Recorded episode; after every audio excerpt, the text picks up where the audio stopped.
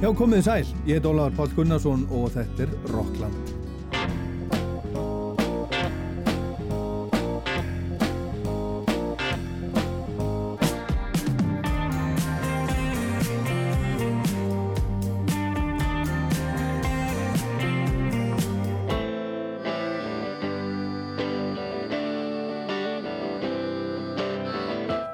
Fyrir viku síðan kom út sapplaga með Nick Cave og Bad Seeds. Sapplata, tvöfaldur diskur, 27 lög sem heitir B-Sides and Rarities Part 2, bjelliðar og sjálfkjaf lög.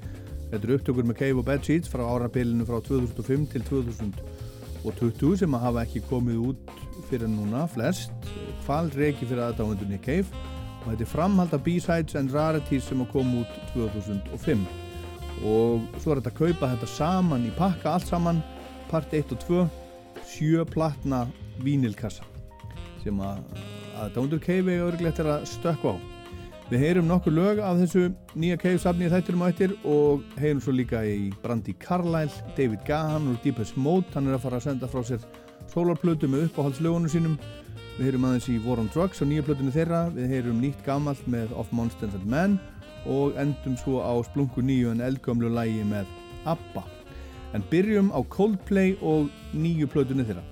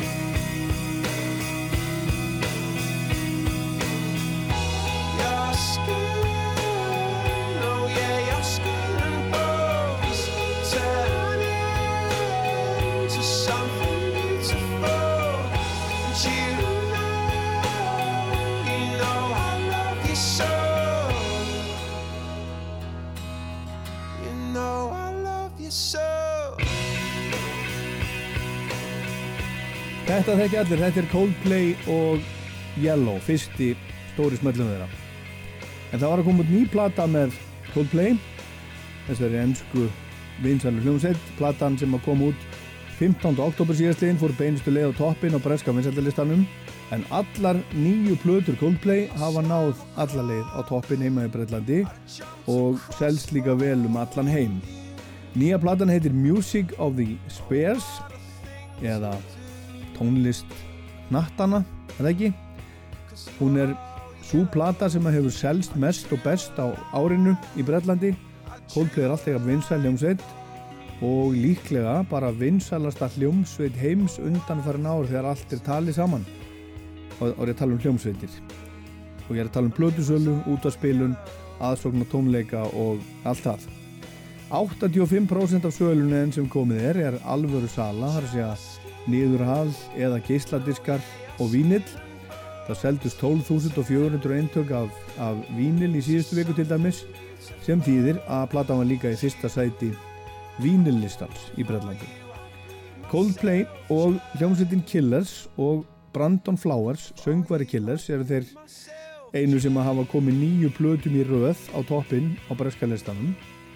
En Noel Gallagher, solo og með Oasis á samt metið, það eru tíu blötur þar sem hafa náð alla leið í fyrsta sæti í röð Abba og Bob Dylan hafa líka komið nýju plötum á toppin í Breitlandi en það var ekki í röð eins og hjá Coldplay, Brandon Flowers og Noel Gallagher og Oasis og það er gaman að segja frá því að Beatladnir voru í öðru sæti í síðustu viku á listanum á eftir Coldplay með nýri deluxe útgáðu af Let It Be síðustu Beatlaplötunni sem kom út árið 1970 í mæ fyrir rúmri hálfri öll. Adele er svo eftir bítlánum í þriðarsætilistans með blöðuna 25 sem kom úr 2015 en hún sendi frá sér nýtt lag á dögunum af vantanleiri blödu 30 eða 30 og það hefur ítt á söluna á 25, 25. En hvernig er svo þessi plata Coldplay? Er eitthvað varðið í þetta? Skoðum þá eftir, heyrum núna hvernig hún byrjar.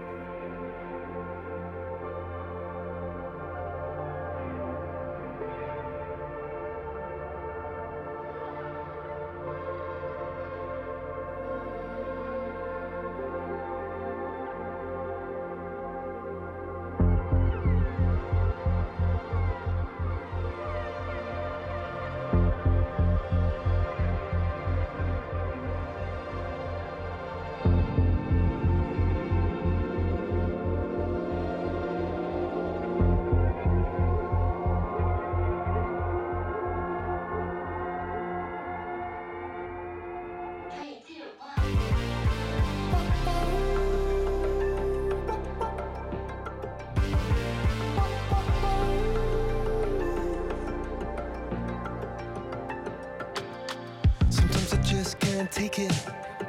Sometimes I just can't take it.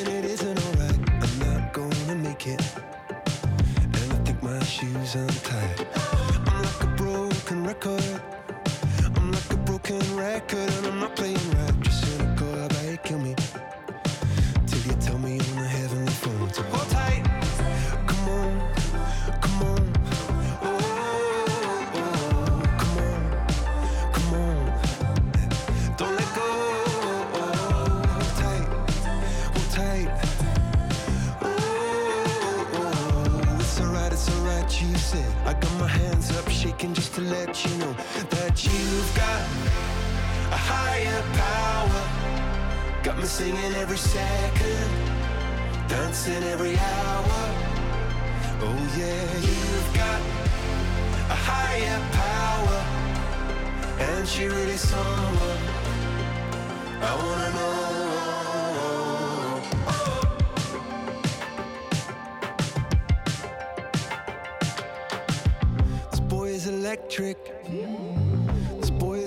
trick in your spot.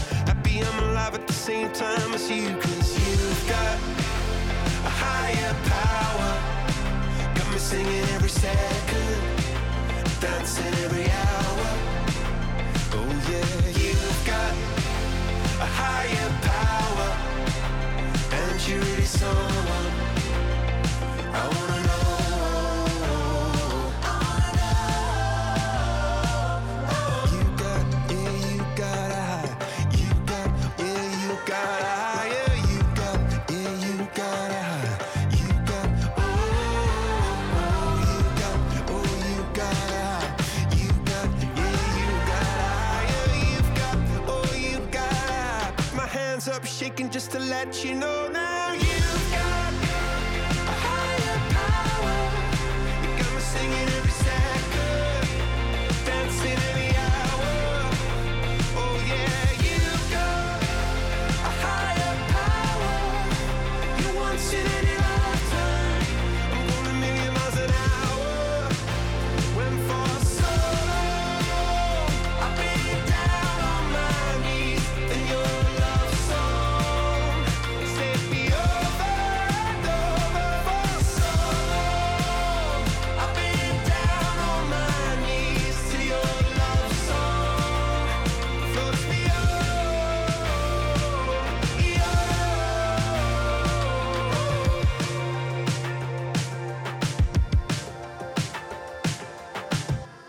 Hérna heyrðum við hvernig nýja Coldplay platan byrjar á stutta intrónu, titilæginu, Music of the Spears og svo poppar hann um Higher Power.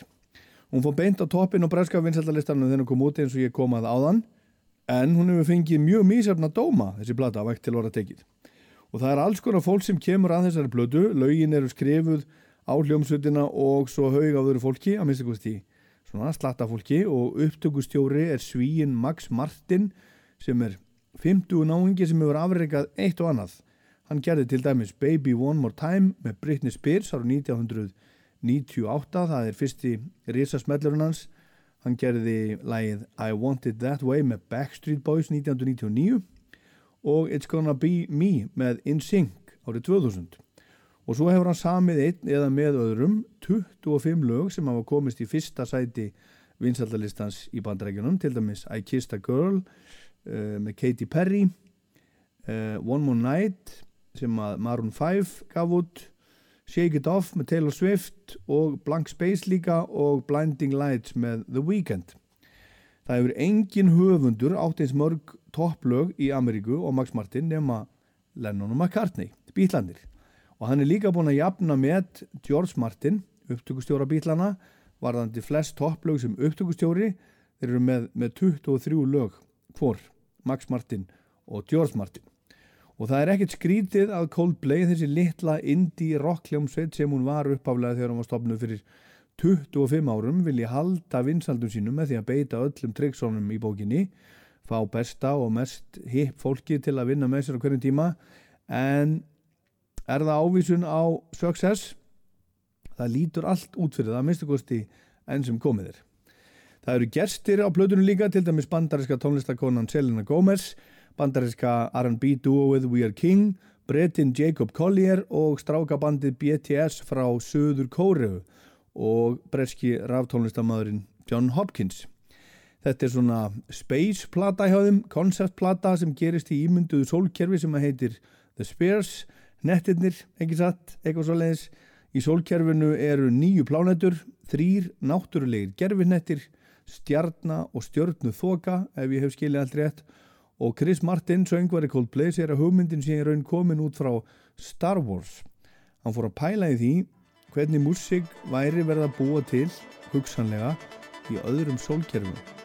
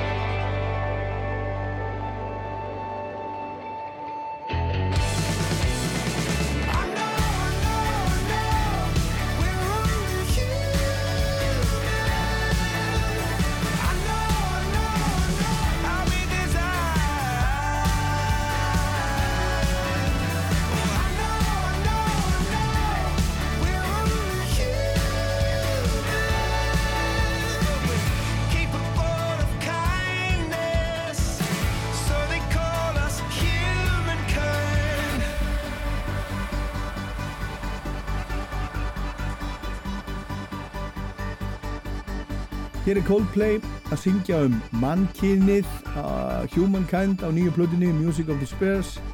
Þetta lag gæti hafa komið út á einhverjum af hinnum plötunum þeirra. Þetta er svona hefðbundnara Coldplay pop en ímislegt annað sem þessi plata hefur að geima.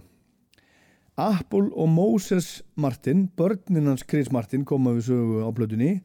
15 ára gamli Moses syngur með pappa sínum í læginu sem var að enda í viðlæginu og hinn 17 ára Apple Martin er meðhöfundur í læginu sem við heyrum næst.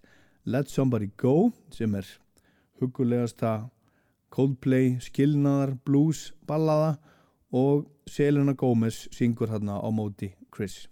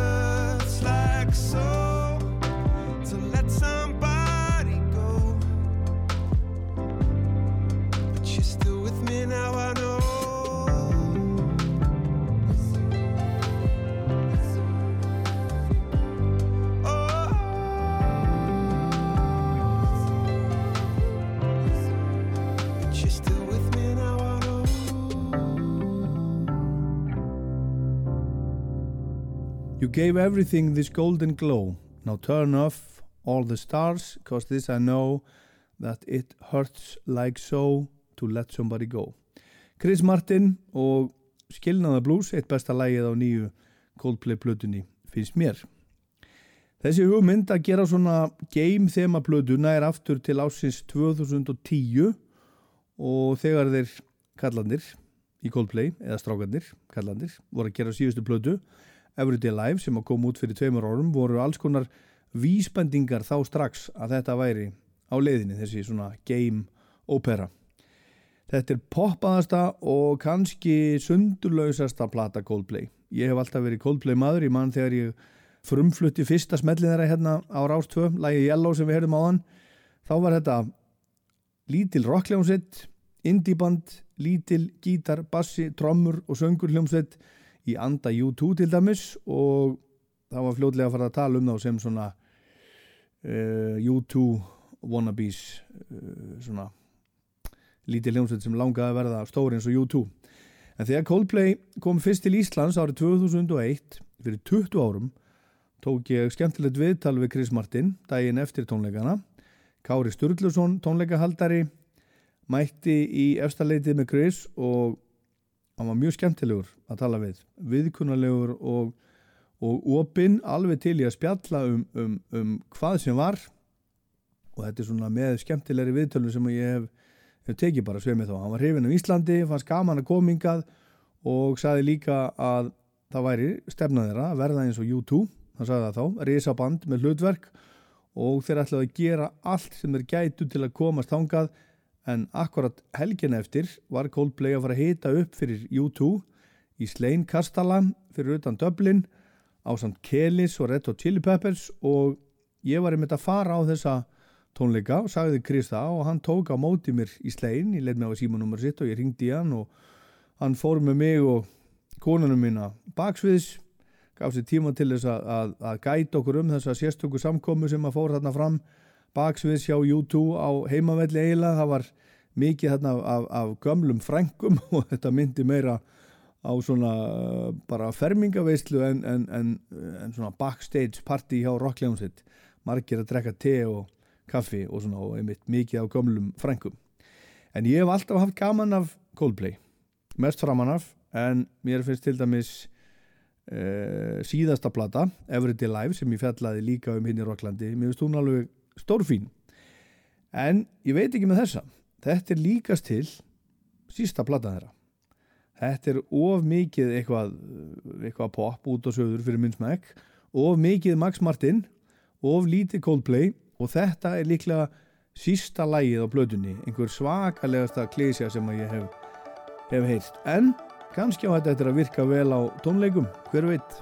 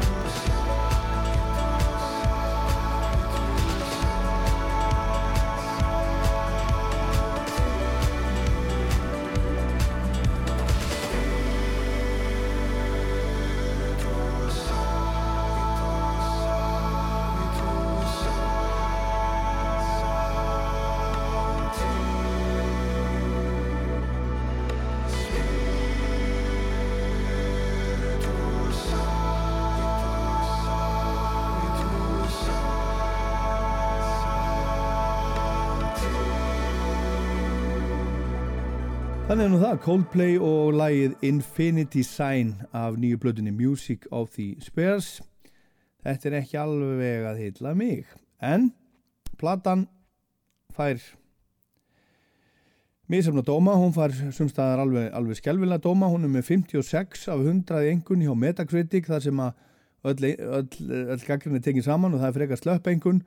Rolling Stone gefur 6 af 10, Guardian 4 fjóra af tíu, tvær stjörnur af fimm sem er bara næstu því slátrun. Það sem gaggrinandi Guardian talar um er að á síðustu blödu hafi Coldplay kannski verið aðeins of arti þar séu gestir, fólk eins og Femi Kuti, belgíski rapparinn Strome og þar er sampl frá Alice Coltrane og hitt og þetta og súplata, hún seldist ekki nærri eins vel og, og fyrir blödur Coldplay Salam var til dæmis bara uh, eitt tíundi af, af söglu plötunar sem kom þar á undan a Head Full of Dreams í Ameríku og hún er reyndar mikil, mikil popplata. En það er eins og það er afi bara, bara fylst hræðslu þegar síðasta plata gekk ekki betur en Römbur Vitni og ákveða að poppa bara yfir sig. Og það er það sem þeir gera á Music of the Spears finnst mér, þeir poppa aðeins yfir sig og í leiðinu verður platan eitthvað svo óspennandi finnst mér að mista kosti. En það eru reyndar svo ég sé nú alveg sangjant ágættir sprettir á henni. Og eins og ég sagði þeir eru misjafni dómandir NMI gefur þeim til dæmis fjóra stjórnur af fimm sem er nú bara ansi gott. En það er eins og það að hafi panikera pinguliti þegar þeir gerðu Everyday Life eða eftir hana. Og ekki lagt í að halda áfram á, á þeirri braut, hún er svolítið mikið lífrætni heldur en þessi plata og, og fari bara alveg í hinn áttina Þegar menn eru komnir á, á toppin þá vilja þeir gjarnan halda sér þar og Coldplay vil vera áfram í stór meistaradeildinni. En ég bað Dr. Rock, Arnar Eggert Tóratsen um að senda mér stöta hugleðingu um blötuna. Lusta blötuna og segja okkur svo hvað hann finnst. Jú, takk fyrir það kærlega og sælir góðir landsmenn, heiður að vera komin henni hérna í Rocklandið og fá aðeins að spá og spekulera í tónlist um, Coldplay Music of the Spares eða Swears ég kann ekki að bera þetta fram. Um, ég að sjálfsögðu hef lengi verið þeirri grifju sem alvöru tónlistakakrinandi að úthúða Coldplay við hvert tækifæri. Og það er það sem ég ætla ekki að gera núna. Maður eh, eldist, þroskast og meirnar uh, með tímanum verist vera. Og uh, það er ekkert sniðut að vera að við skulum segja það hlutinir er aldrei svartir og hvítir.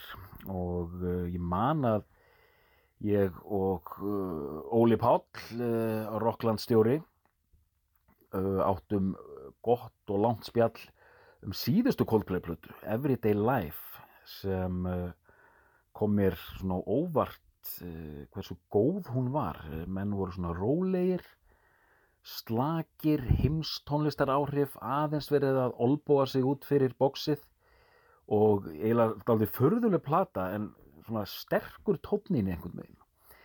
Um, en þessi nýja plata hún er nú ekki að gera eh, góða hluti fyrir mig. Um, það er eh, sko Coldplay er þetta alltaf Coldplay og Uh, ástæðan fyrir því að þeir eru svona vinsalir er meðal annars að þeir búa til tónu sem höfðar til svo margra. Uh, einhvern megin náðir hárfínum ballans á síðustu plötu.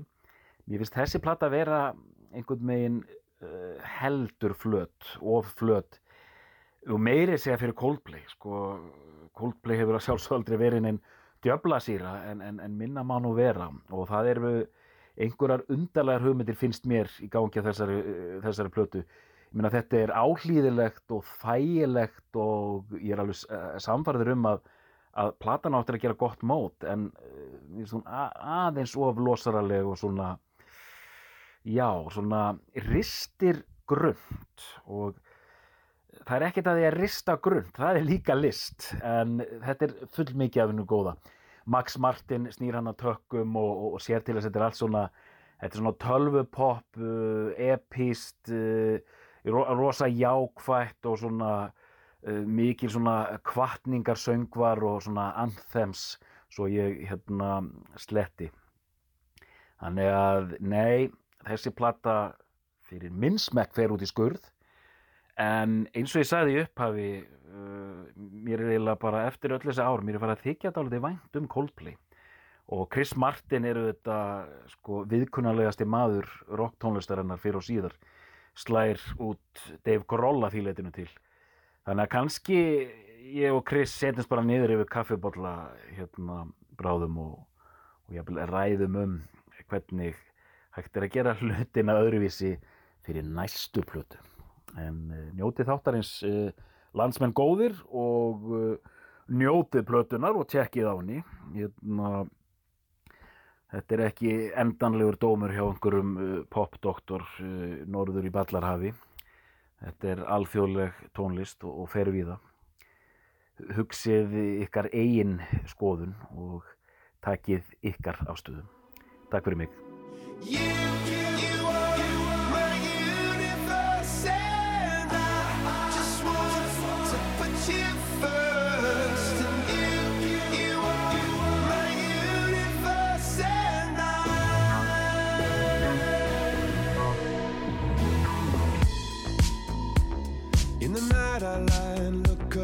you. When the morning comes, I watch you rise. There's a paradise they couldn't capture. That bright infinity inside your eyes. 매일 밤 내게 날아가 꿈이란 것도 잊은 채 나 웃으며 너를 만나 Never ending forever,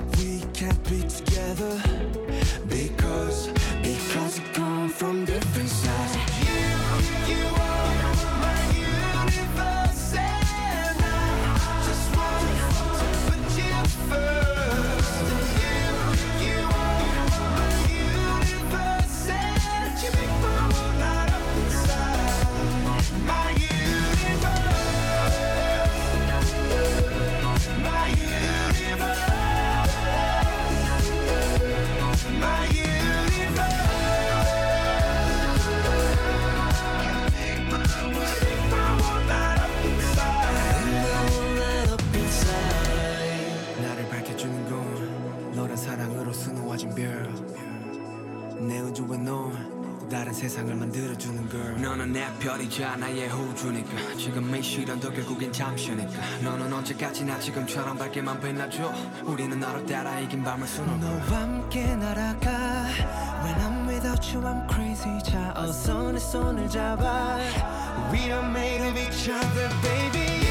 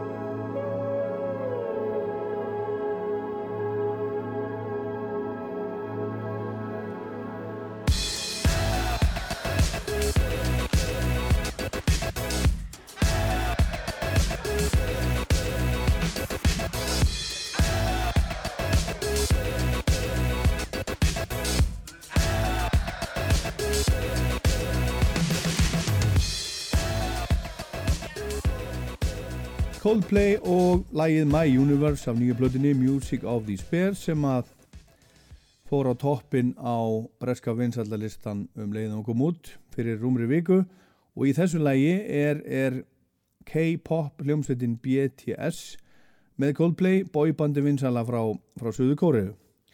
Coldplay fylgdi síðustu plötu Everyday Life ekki eftir með tónleikaferð, þetta var fyrir COVID eh, sem hún kom út, reynda bara rétt fyrir COVID í november eh, 2019 en þá gáðu þeir það út að þeir myndu ekki fylgja blötun eftir með tónleikaferð heldur býða og vinna í því að finna leið til að það væri hægt að gera það án gólefnisbóra helst á sjálfbæran hátt.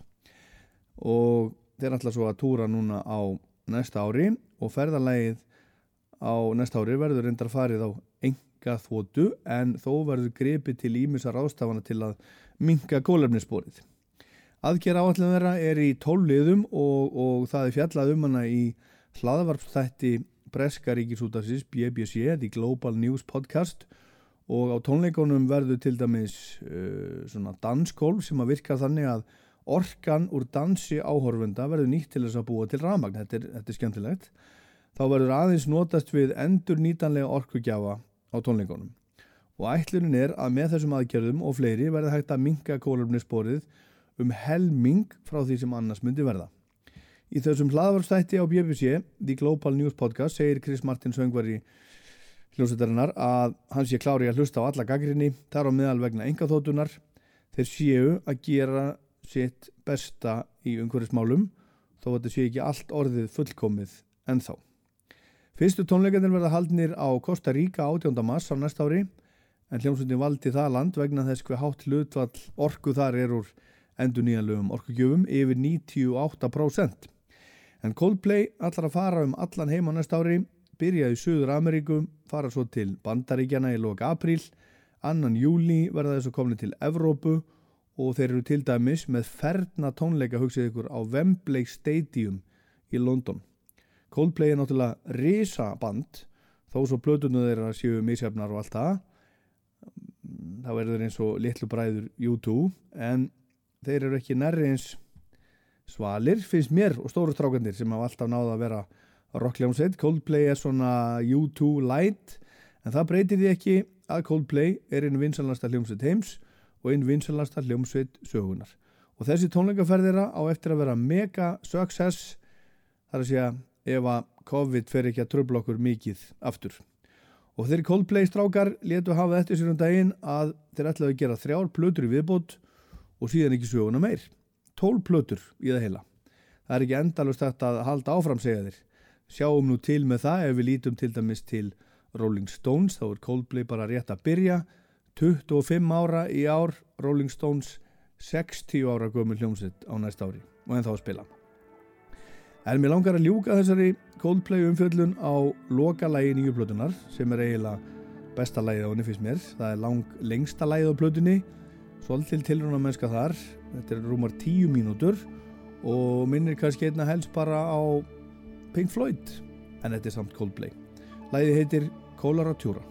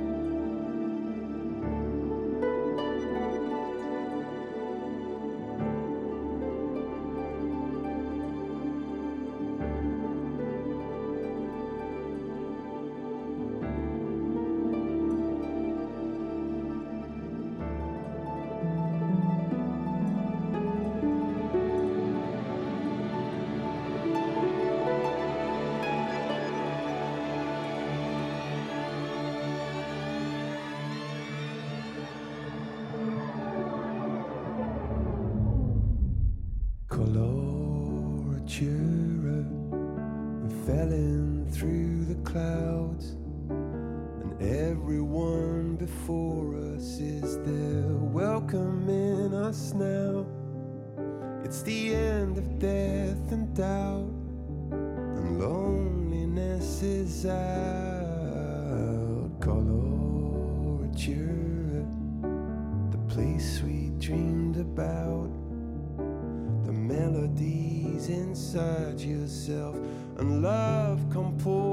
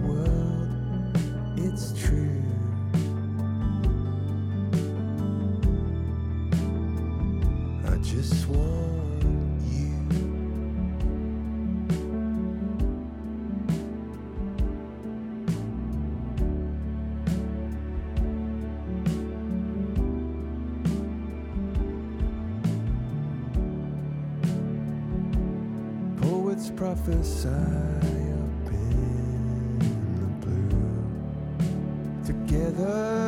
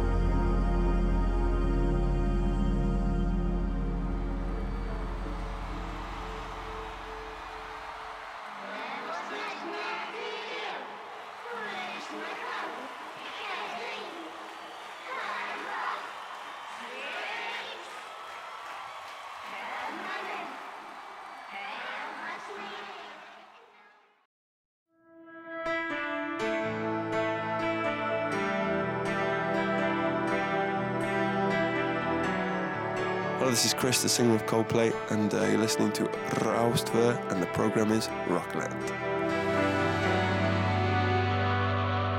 Já, þetta er Rockland á Rástfögi, ég heit Ólafur Páll Gunnarsson og höldum áfram með tónlistina, heyrum í Nick Cave hérna á ettir og lög af nýja sapninu sem hann var að senda frá sér sem heitir B-Sides and Rarities Part 2 en ekki alveg strax núna á förstu daginn síðast að kom út tíu ára afmælisútgáfa af fyrstu plötu of Monsters and Men My Head is an Animal.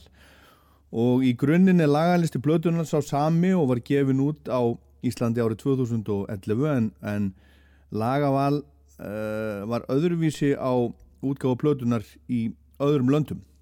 Og þar að ekki má finna tvö lög sem hafa ekki komið út áður og uh, eitt þeirra heitir Phantom og ég ætla að spila það núna og of Monsters and Men ætlar að halda ferna tónleika í gamla bíói núna 9. til 12. november þar helt sveitin um mitt útgáfa tónleikana sína árið 2011 og það er enn hægt að nálgast miða á, á tvo af þessum fjórum tónleikum og Of Monsters and Men verður í aðal hlutverki í næsta þætti Rocklands eftir viku en þá ætlaðu að, að sitja með mér Nanna og Raggi held ég alveg öruglega og við ætlum að hlusta á alla plötuna og rifja upp æfintýri Of Monsters and Men sem spannar orðið áratug. En við skulum heyra þetta lag Phantom sem er einmitt eitt af lögunum þremur sem að sveitin flutti í musiktilrunum 2010 þegar þau sigruðu keppnina. En hér eru þau búin að breyta því aðeins hæja aðeins á, á, á læginu og útkomin er bara stórgóð. All this time wasted and all this time gone. You are still waiting on me. Every time you leave the house, remember you're not safe. But you are hardly ever. And all those times that I could swear I heard you speak, you spoke in such low voice of how if you could choose, you would choose not to feel. Cause you are hardly ever happy.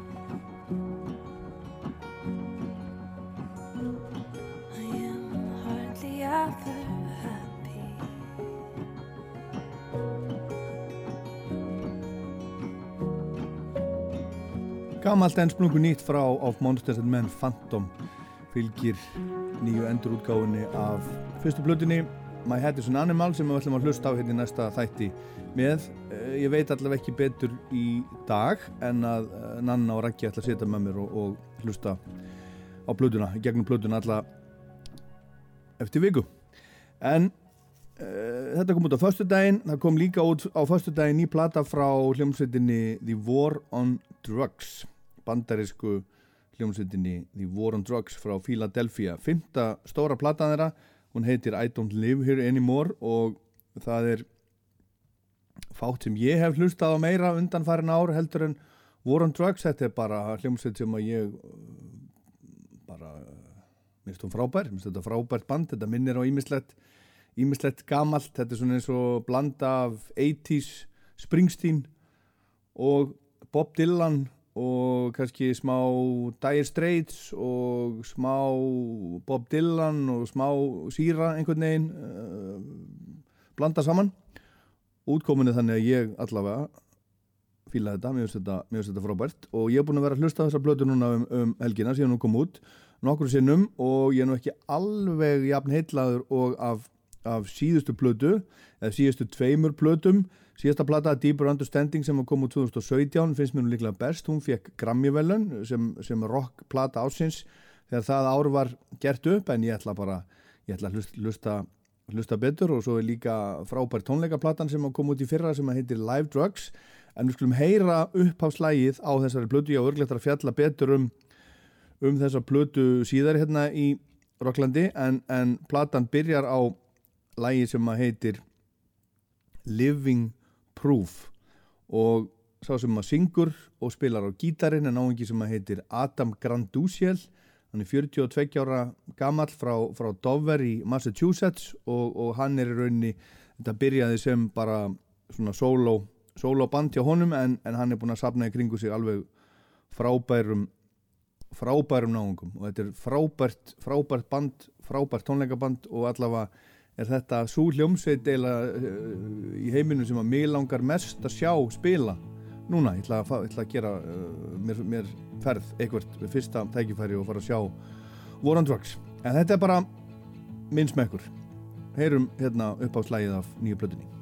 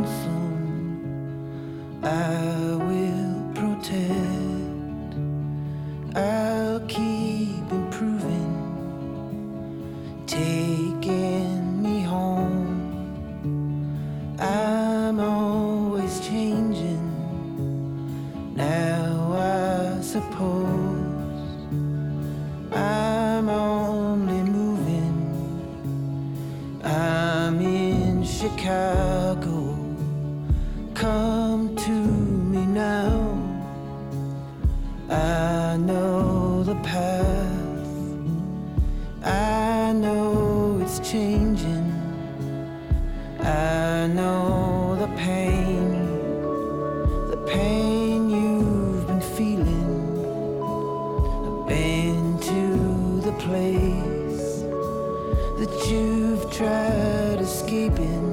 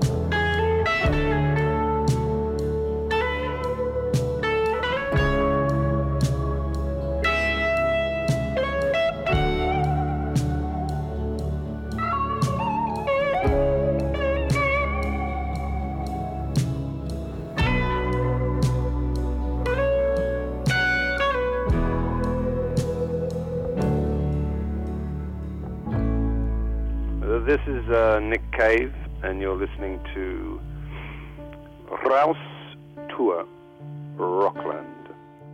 I stepped in to an avalanche. It covered up my soul. When I am not this hunchback that you see, I sleep beneath the golden You wish to conquer pain, you must learn, learn to serve me well.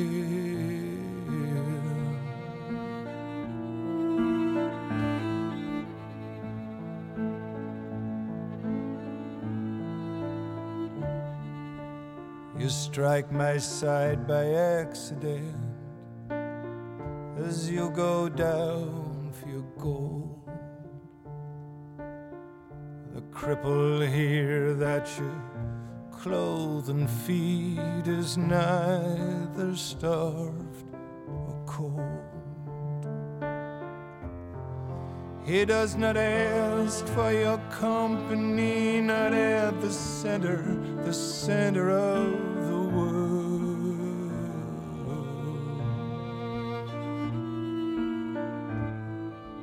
Fyrir viku síðan kom út sapnlaga með Nick Cave og The Bad Seeds. Sapplata, tvöfaldur diskur, 27 lög sem að heitir B-Sides and Rarities Part 2 B-liðar og sjálfgjaf lög. Þetta eru upptökur með Cave og Bad Seeds frá árabilinu frá 2005 til 2020 og þetta lag hérna er að finna þar, hann tók þetta upp fyrir, fyrir sjónvastáttara 2015 Avalanche eftir Leonard Cohen. En Cohen hefur lengi verið einn af þeim tónlistamönnum sem Nick Cave hefur litið upp til og hann hefur tekið upp og sungið nokkur lög eftir hann. Og þetta er smeklega gert hjá honum og, og köllunum köllunum hans í Bad Seeds.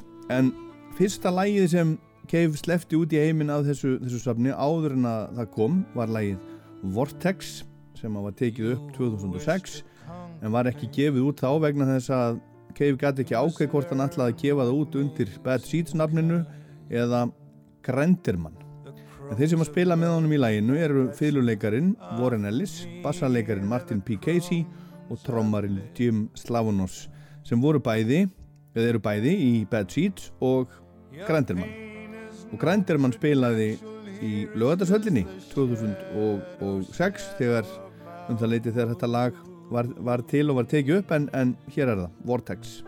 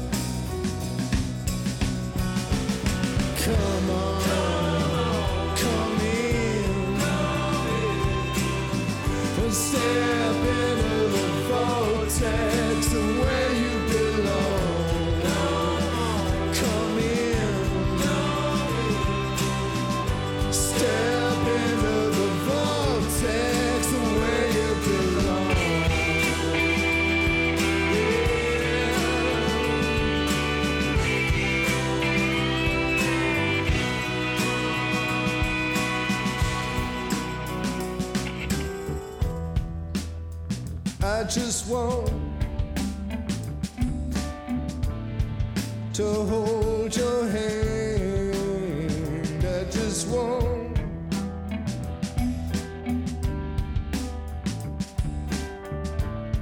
to hold your hand. I got.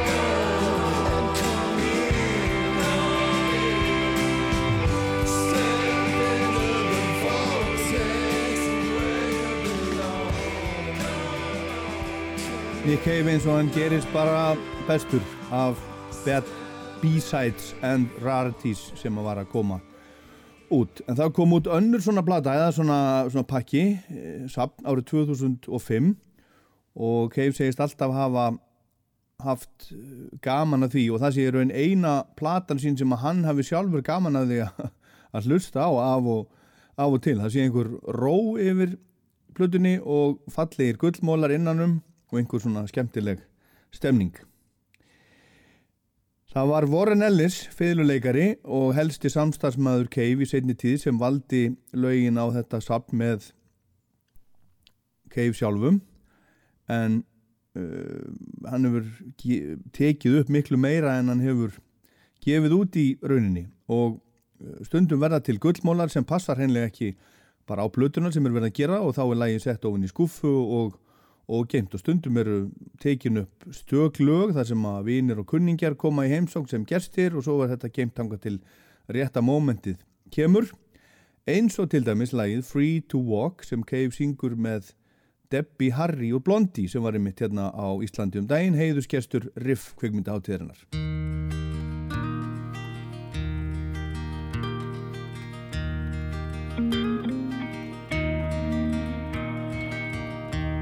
Have I been your memory? Where is better to love than ever can be? Your door is always open and your path is free to walk. Your door is always open and your path is free to walk. Will I be able to dream easily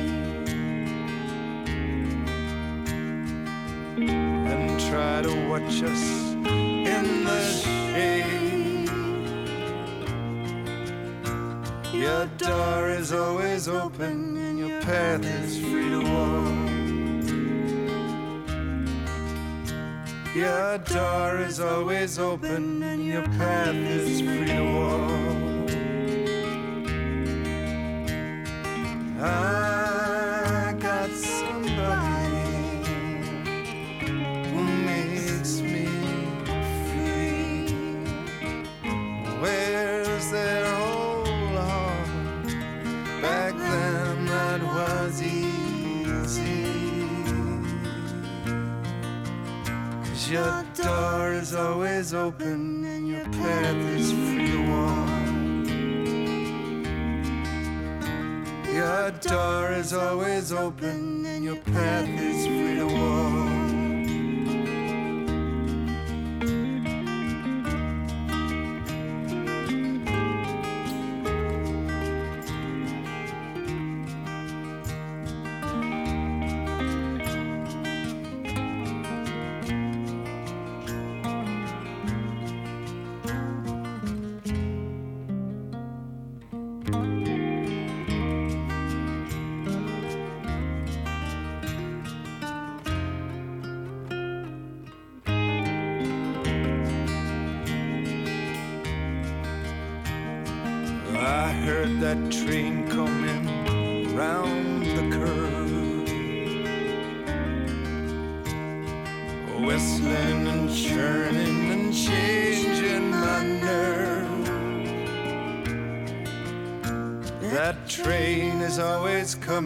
Your path is free to walk. Your train is always coming, your path is free to walk. That train is always coming. Þetta er skemmtilegt, Nick Cave og Bad Seeds og Debbie Harry, Free to Walk heitir þetta og þetta kom út á einhverju, subplötu sem að heitir We Are Only Writers The Jeffrey Lee Pierce Sessions Project árið 2010 og þetta er að finna á nýja eh, B-Sides and Rarities safninu sem var að koma út. En, en fyrra safnið kom út 2005 og það inni heldur upptökur frá upphafi ferils Nick Cave og Bad Seeds til 2005 en part 2 hefur að geima lög sem að voru meira og minna tekin upp á, á uh, tímabili frá Sky á Wayplötunni sem kom út 2013 til Ghost Teen 2019 svona meira minna en svo eru hérna eldri lög líka. Og Cave hefur sagt frá því í viðtölum að á þessu tímabili þarna hafa hann breytt um takt í textagerðinni. Áður fyrir hafa hann gert meira því að, að skrifa texta sem að voru einhvers konar uh, smásögur en í seinni tíð hafa hann meira leift orðunum bara að, að flæða. Þetta sé meira abstrakt hjá hann í dag en áður fyrr meiri tilfinning og flæði en, en frásögn eða saga. En þetta eru textar um ást og missi og eftirsjá gamlar minningar og svo framvegis. Sumt er frekar erfitt að, að hlusta á, á, á þessu safni. Þetta er, er svona uh, svolítið ruddi sumstaðar en svo er annað alveg gullfallegt og, og svo er hellingur hérna mitt á milli. En við skulum heyra hvað þeir segja sjálfur um þetta þeir Cave og Warren Ellis. Hello, uh, Hey Nick, how are you? I'm all right. Good, mate. Check one, two. Hello, hello, hello. Check one, two. We ready, Warren? I'm ready.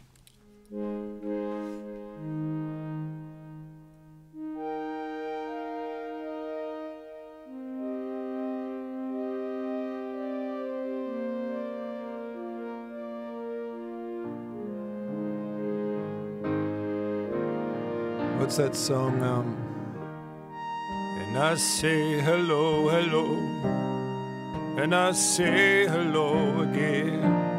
Hello, it's Nick Cave. Can't do it. Hi, it's uh, Nick Cave here. Yes, I say hello, hello. Hmm, yeah.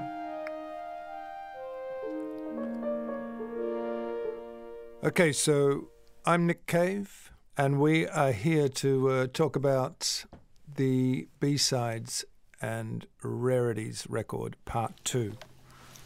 I'm Warren Ellis. Okay, Warren's decided to be very zen in this.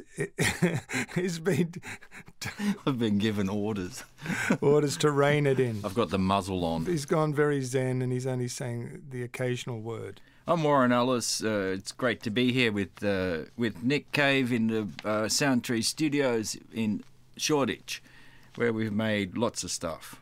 Carnage, For example, yeah, for example, and this has been our place of work during the lockdown. yeah, it's our spiritual hub, and and we're here to talk about the B sides and Rarities record, the second part of the B sides and Ra- Rarities record, as we essentially put the second part together ourselves, me and Warren, we're going to talk about it.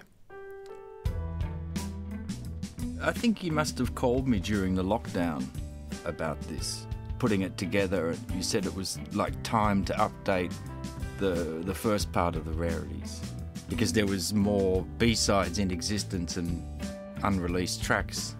And also I think the part 1 had never come out on vinyl if I'm correct.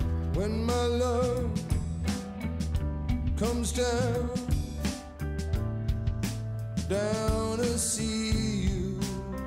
When my love comes down. There, there's there's a, a question here. Whose idea was it to create the B sides part two? And it was my idea, as most things are. but then I make a phone call and get. Uh, I, I, I love to um, Delegate, delegate. I'm a great delegator. A great delegator. I am the great delegator. comes down, down to see you. Well, I'm, I'm, I'm on the coal face. Well, you were quite happy to dip into the archive and have a look what was in there and return with the treasures. Well, lockdown gave me the time to do that because I, I just have hours and hours and hours of recordings and demos and things when we've been making the last few records at least that I like to sort of jump into from time to time and listen to the sorts of songs in progress and things like that. So I started jumping into them and then sent you from memory like three CDs worth of demos, which you rightly culled down to. I mean, I had some funny stuff on there, but um, We are we are putting out a separate uh, comedy record. the funny stuff. The it's called the funny stuff. And the echo comes back empty, for nothing is for free. And I call out the window to the skeleton tree. There was ideas from, say, Skeleton Tree that had almost got there but hadn't quite got there, and then we'd left them. Yeah, there, there was some very beautiful stuff on Skeleton Tree that were kind of half recorded. What's called First Skeleton Tree on side A of the seventh disc is really a really beautiful song, but these songs never really got off the ground in a way.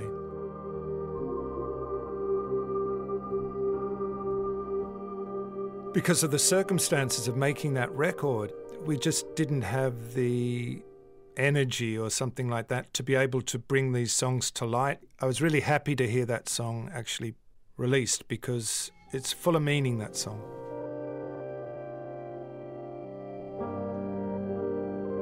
Sunday morning, skeleton tree. Nothing is for free. Yellow lantern in the window. Nothing is for free. Nothing for free. Falling leaves thrown against the sky, the jittery TV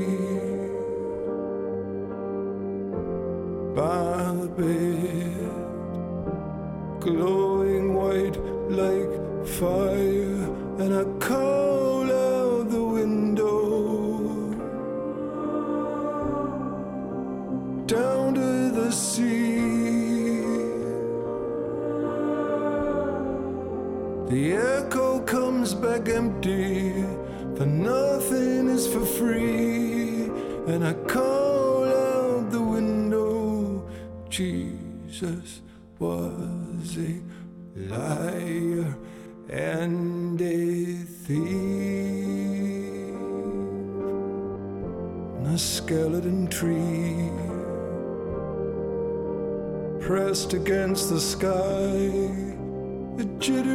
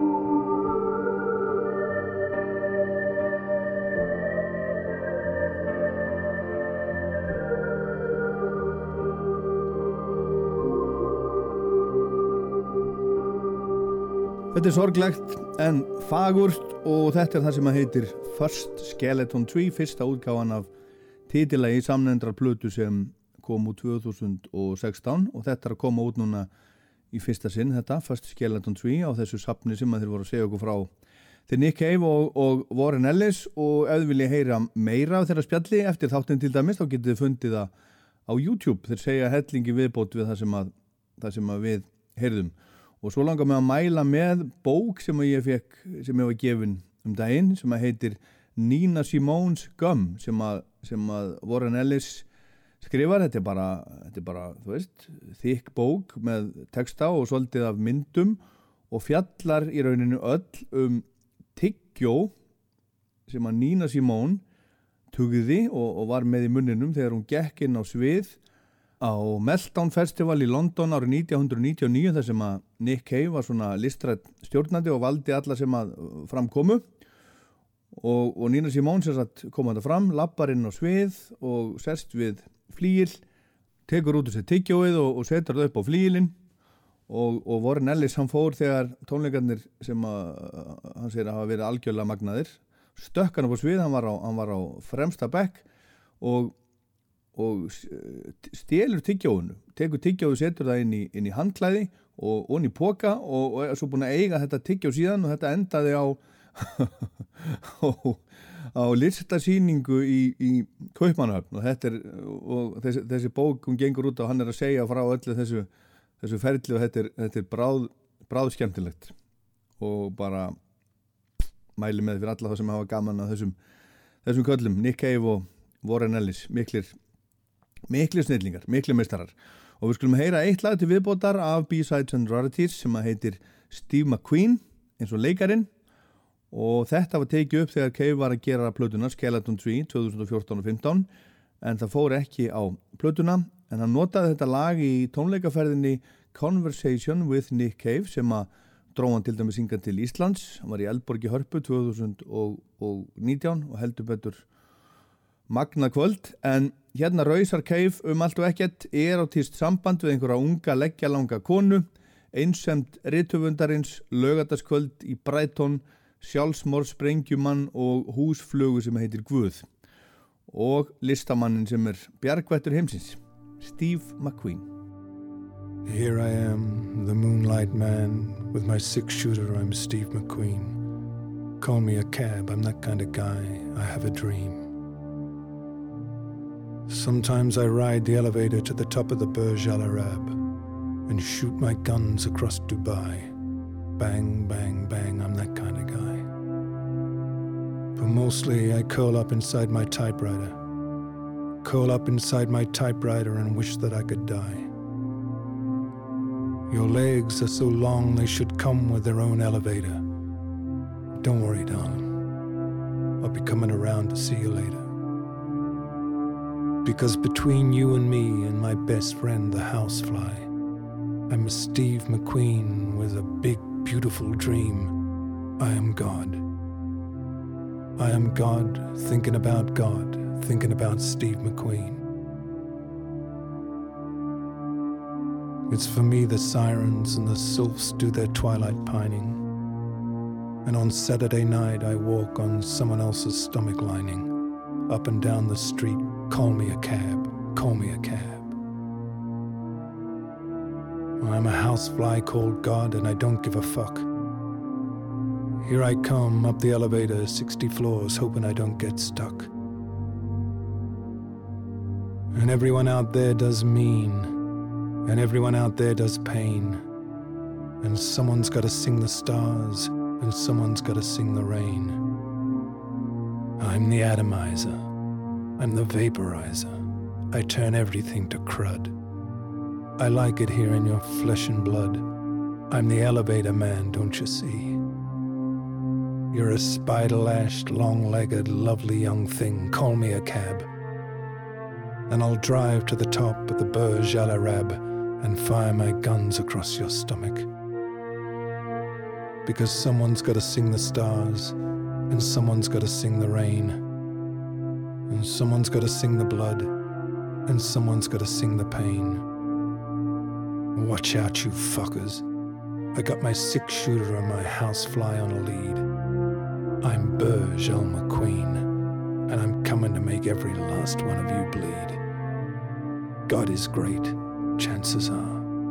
God is good, well, I wouldn't go that far. I'm Steve McQueen, the atrocity man, with my strap on blood bomb dream. But mostly I curl up inside my typewriter with my housefly and cry. I tell my housefly not to cry. My housefly tells me not to die. Because someone's got to sing the stars, and someone's got to sing the rain, and someone's got to sing the blood, and someone's got to sing the pain. Someone's got to sing the stars, someone's got to sing the rain. Yeah, that's me, riding my housefly up and down your dream. Svona er það, Steve McQueen og Nick Cave og, og Bad Seeds og Nick Cave hefur nú stundum verið kallaður uh, svona myrkrar prins Prince of Darkness og það á náttúrulega vel við í dag á, á, á Reykjavöku sem er alltaf haldinn 31. oktober þetta er, þetta er, þetta er uh, hátíðstagur ættaðu frá Keltum þar sem að hann hétt uh, uppháðlega Sján á, á Írsku en þá voru farðar þakkir fyrir uppskjöru sumarsins og, og bóðin koma vetursins, segir Wikipedia. Reykjavaka nefnist á enskri tungu Halloween sem er annar rittáttur fyrir Halloween en, en uh, þetta er svo stytting á nafninu All Hallows Evening eða All Hallows Eve sem er kvöldið 31. oktober, vakan fyrir allra heilara messu. Kirkjan flutti hátíðina allra heilara messu til 1. november til að reyna að taka yfir eldri heiðinar hátíðir á borð við, við, við samhæn og, og veturnætur. En aðeins áfram í, í, í þessum svona uh, í dimmunni. Dave Gahan enn og einn svona myrkra, myrkra prins. Dave Gahan úr Deepest Mode. Hann er að fara að senda frá sér plödu sem að heitir Imposter. Og þetta er plata þar sem hann er að syngja lög eftir hina og þessa sem að hafa haft áhrifanir bara að syngja upp á holds lögin sín. Platan kemur út 12. november sem að er ammælistagurinn hans Neil Young og Neil Young á einmitt eitt lag af plötunni A Man Needs a Maid sem að koma út á plötunni Harvest á, á sínum tíma. Og þannig eru lög eftir til dæmis Jeff Buckley, PJ Harvey Bob Dylan, Not Dark Yet eftir Dylan er þarna. Þannig er Always On My Mind og, og svo lagi sem ég ætla að spila hérna fyrir ykkur sem að sendi frá sér núna í síðustu viku sem að heitir Dark End of the Street. Þetta er, þetta er gammalt lag sem að margir hafa sungið. Uh, til dæmis Flying Burrito Brothers, Lee Hazelwood Dolly Parton og, og Cat Power. Og hérna með honum í þessu lagi er uh, náðungi sem heitir Rich Matchin sem hefur unni mikið eða talsvert með Dave Gahan í gegnum tíðina, hann kallar sig Soul Savers. Er David Gahan og Soul Savers og The Dark End of the Street. At the dark end of the street, That's where we always meet. Hiding in shadows where we don't belong. Living in darkness to hide our wrong. You and me at the dark end.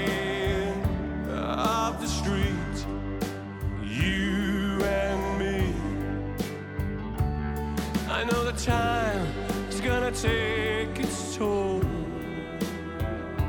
We have to pay for the love we stole. It's a sin, and we know.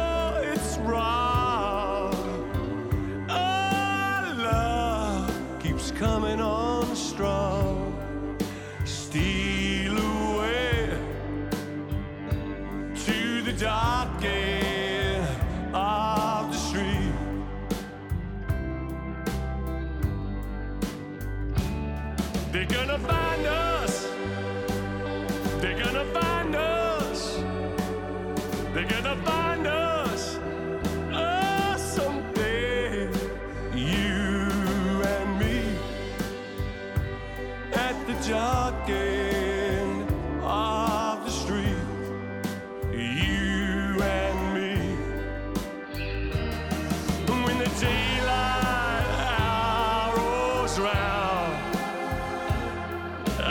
chance, we're both downtown. If we should meet, just walk on by. Oh, darling, please don't cry tonight.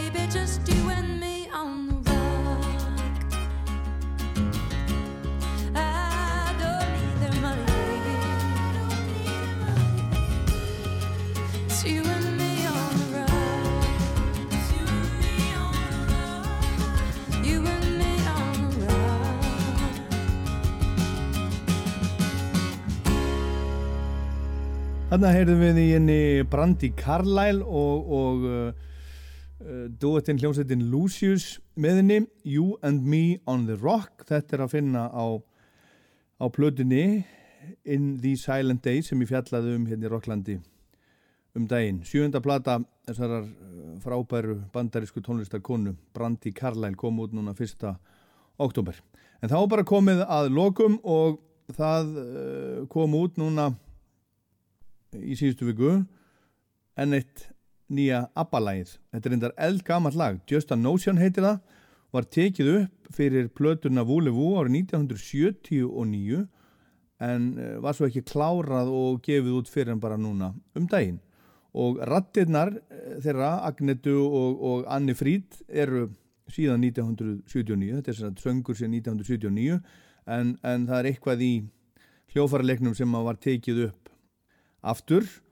Og þetta minni minn og bara helst á svona góða germundar, germundar seflu en þetta er að finna á plötunni Voyage sem að kemur út næsta förstu dag, eitthvað sem að margir býðaðu eftir út um, út um allan heim, miljónur um allan heim býða eftir að komi heil plata frá ABBA. Og þau voru að gefa það út um dagina að, að þegar þau verið búin að gefa þessa plötu og, og búin að setja upp ABBA sjóið í, í ABBA höllinni í London þá ætla þau að setjast í Helgan Stein og bara uh, hafið þau það sem allra best. En við endum Rocklandir sem sagt á þessu gamla en nýja lægi með ABBA. Ég minni á Rockland á netinu á rúf.is og í rúf spilaránum svo minni ég á Rockland podcast á iTunes til dæmis og Spotify. Og Spotify lagalistan sem að uh, getur ennþá bætt við sig fylgjendum. Þið smellið, þið finnir hann Rockland mælir með heitir hann á, á Spotify finnir hjartað, smellið á það og þar með fylgið listanum og fáið þannig 30 nýlög í hverju mánuði til þess að hlusta á, þið viljið, þið nennið og allt það, þetta er bara svona hitt og þetta sem að mér finnst uh, skemmtilegt og áhugavert og ég er að fjalla um í mínum þáttum hérna á Rástvö Rockland mælir með á Spotify. En þetta var Rockland, ég heit Ólafur Páll. Takk fyrir að hlusta